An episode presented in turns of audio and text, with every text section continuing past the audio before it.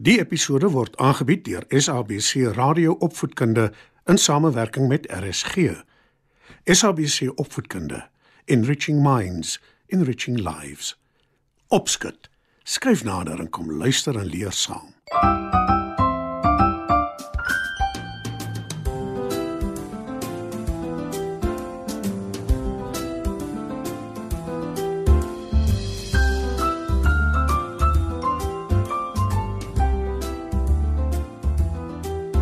Goeienaand maats. Dis weer tyd vir opskud. In vanaand se storie vertel ek julle wat gulsigheid aan 'n mens kan doen.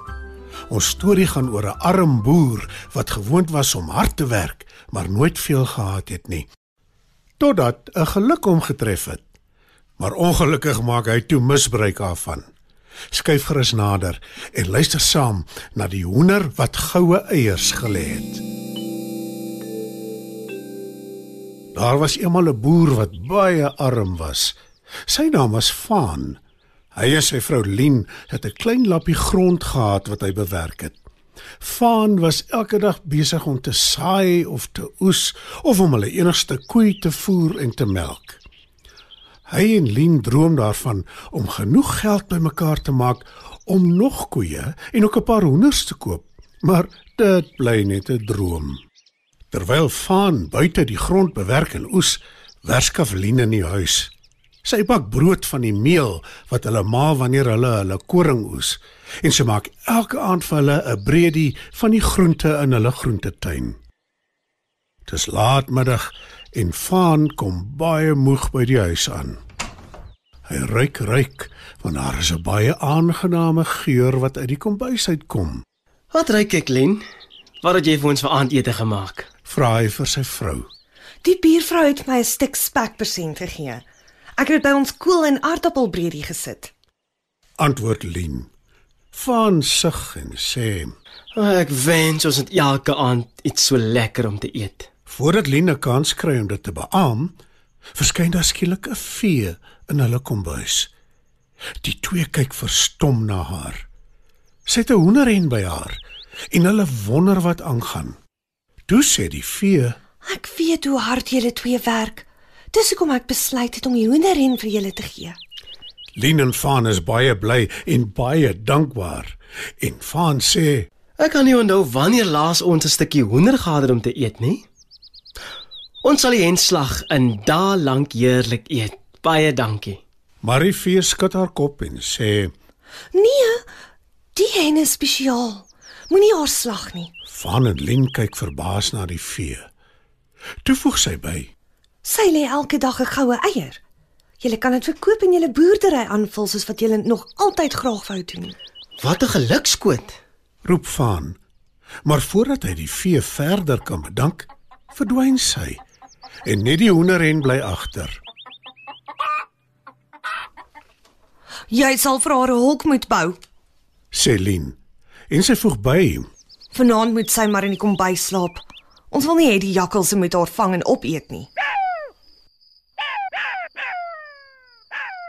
Die twee eet hulle aandete en hulle gee vir die hen mieliepitte om te eet. Daarna gaan slaap hulle en die hen maak haar tuis voor die koolstoof in die kombuis.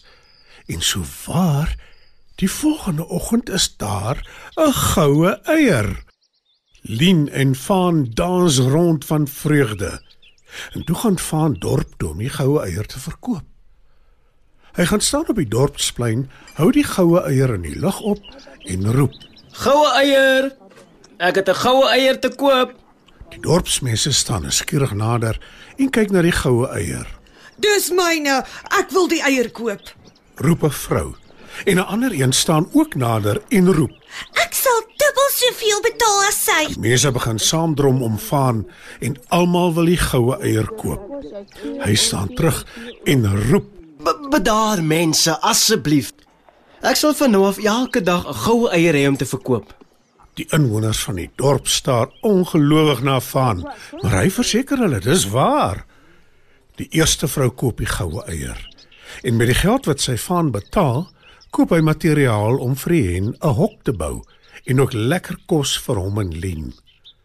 Toe hy terugkom by die huis en vir Lien vertel wat gebeur het, sê sy: Ek hoop die vee was reg. Ek koop die hen lê elke dag 'n eier. Vaan beamoed dit en hy gaan sit die hen in die hok wat hy vir haar gebou het. Die aand eet Lien en Vaan heerlike kos. En vroeg die volgende oggend draf hulle met groot afwagting na die hen se hok toe. En sou waar, daar is nog 'n goue eier. En Vaan gaan weer dorp toe om die eier ook te verkoop. Die inwoners wag hom reeds in op die dorpsplein en die goue eier is in 'n japtrap verkoop. Dit hou so aan vir 'n hele ruk. Die hen lê elke dag 'n goue eier en elke dag verkoop Vaan dit op die dorp. Maar op 'n dag kom hy by die huis en hy sê vir Lien, Ek is nou moeg om elke dag dorp toe te gaan om een goue eier te verkoop. Lien kyk verbaas na hom en sê, Maar Vaan, dit gaan so goed met ons. Ons het nou 'n paar koeie. Ons het hoenders en ons kan kos koop op die dorp. Jy wil tog seker nie hê dit moet ophou nie. Natuurlik nie. antwoord Vaan. Maar toe verduidelik hy sy plan aan Lien. Die hen het seker 'n goudmyn binne haar. Kom ons slag gaan haal dit uit. Dan het ons sommer baie eiers en hoef nie elke dag te wag vir een nie. Lien is nie so seker van die plan nie, maar Vaan haal haar om. Hy slag die hen wat die goue eiers lê. Maar toe hy binne in haar kyk, is daar absoluut niks nie. Nie een enkele eier nie. Hy kyk skuldig na Lien en sy sê: Miskien moes ons nie so gierig gewees het nie. En maar net elke dag 'n troue goue eier gaan verkoop het, né? Maar nou ja. Dis nou te laat. Van en Lien moet nou maar weer net so hard werk soos van tevore omdat hulle gulsig was. En veral Van voel baie sleg daaroor. Hy weet nou dat om gierig en ondankbaar te wees geen mens betaal nie.